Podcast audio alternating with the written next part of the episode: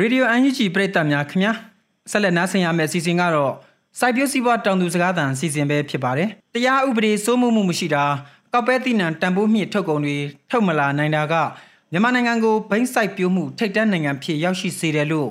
အရက်ဖက်ကျွမ်းကျင်သူတွေကသုံးသပ်လိုက်ကြပါတယ်ဒီသတင်းကိုမကြီးမုံကပေးပို့ထားပါတယ်ကဘာတဝန်ဘိန်းဖြူထုတ်လုပ်မှုရဲ့အဓိကရင်းမြစ်ဖြစ်တဲ့ဘိန်းစိုက်ပျိုးထုတ်လုပ်မှုအများဆုံးနိုင်ငံဖြစ်အာဖဂန်နစ္စတန်နိုင်ငံကိုကျော်လွန်ပြီး မြန်မာနိုင်ငံကထိပ်တန်းစိုက်ပျိုးသူနိုင်ငံဖြစ်လာတယ်လို့ပြီးခဲ့တဲ့ဒီဇင်ဘာလ12ရက်နေ့မှာ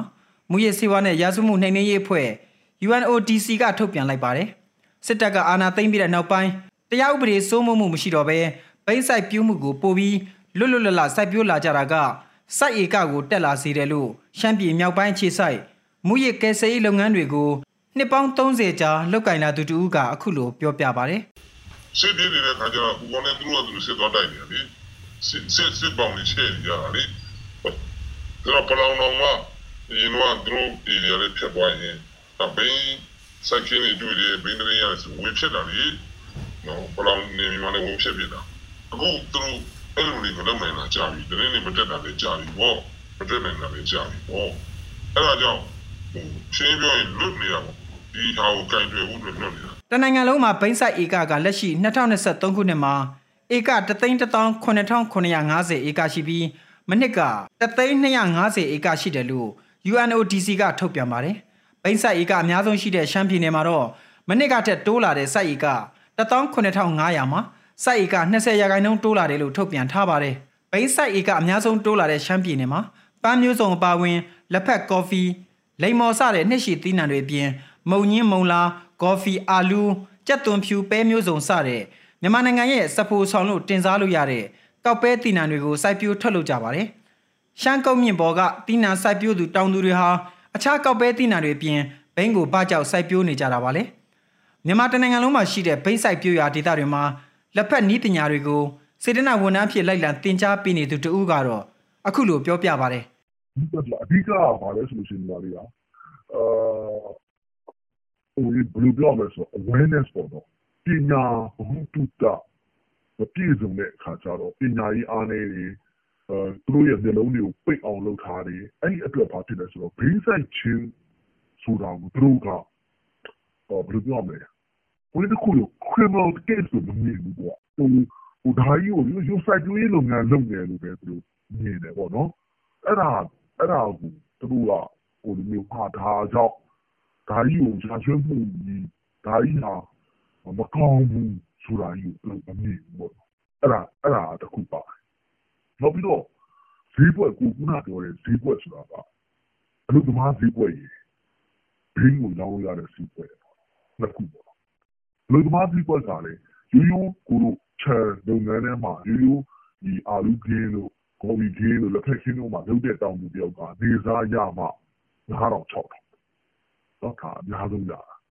နော် 9000ဆိုတာအများဆုံးပေါ့အခုတော့အခုတော့ဒီ8000လောက်ဖြစ်နေတယ်9000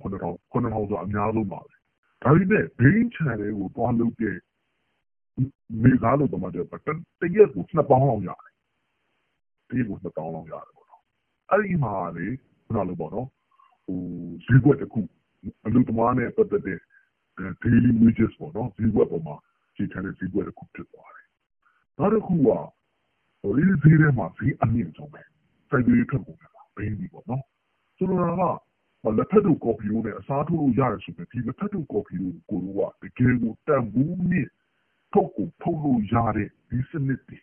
အားနည်းနေပြီ။ဟာလက်ဖက်ကြောင့်တပိတ်တော်ကို3သိန်းရတယ်လို့5သိန်းရတယ်လို့ဒါမျိုးနည်းစနစ်တွေကိုတို့တွေမပေးနိုင်ဘူးအားနည်းနေသေးတယ်။နော်ဈေးကွက်တွေကိုတို့မှမရှိသေးဘူး။အဲ့ဒီအတွက်ဘာဖြစ်လဲဆိုတော့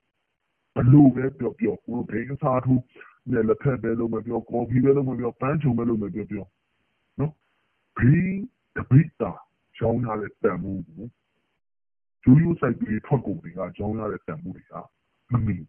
အဲ့ဒီမှာလည်းဈေးကွက်တစ်ခုဖြစ်လာတယ် UNODC ရဲ့ထုတ်ပြန်ချက်ထဲမှာတော့အခုနှစ်အတွင်းဘိန်းစိမ်းထုတ်လုပ်မှုကတန်ချိန်1080တန်ကိုထုတ်လုပ်ခဲ့တယ်လို့ထုတ်ပြန်ထားပါတယ်ဒီပမာဏကစိုက်ဧကများလာသလိုစိုက်ပျိုးတဲ့လုပ်ငန်းမှာပိုပြီးကျွမ်းကျင်လာတဲ့အတွက် တဧကဘိန်းစိမ်းအထွက်နှုန်းကလည်းလေးပိတ်တာလောက်ထိတိုးလာတယ်လို့ထုတ်ပြန်ချက်မှာပါရှိပါတယ်။ဒါအပြင်ဘိန်းကရတဲ့ဝင်ငွေကလည်းမနစ်ကထက်29ရာခိုင်နှုန်းထိတိုးလာပြီးဘိန်းစိမ့်တစ်ပိတ်သားကိုမြန်မာကျပ်ငွေ12သိန်းလောက်ရရှိလာပါတယ်။ဘိန်းကရတဲ့အကျိုးအမြတ်ကိုစစ်တပ်ကရယူသုံးစွဲနေတယ်လို့ဘိန်းဆိုင်သူတောင်သူတွေမှာလည်းဒေတာတွင်းမှာအခြေခံအဆောက်အုံမဖြုံပြိုးတဲ့အပြင်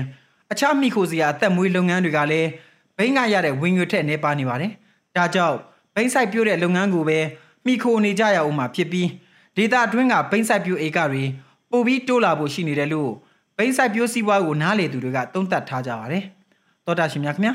အခုတင်ဆက်ပေးခဲ့တဲ့မြေပြင်သတင်းကြောင်းရာတွေကိုရေဒီယိုအန်ယူဂျီသတင်းတော်မတ်ကြီးမုံကပေးပို့ထားတာပဲဖြစ်ပါတယ်ခင်ဗျာကျွန်တော်ကလွတ်လပ်နေဦးပါ။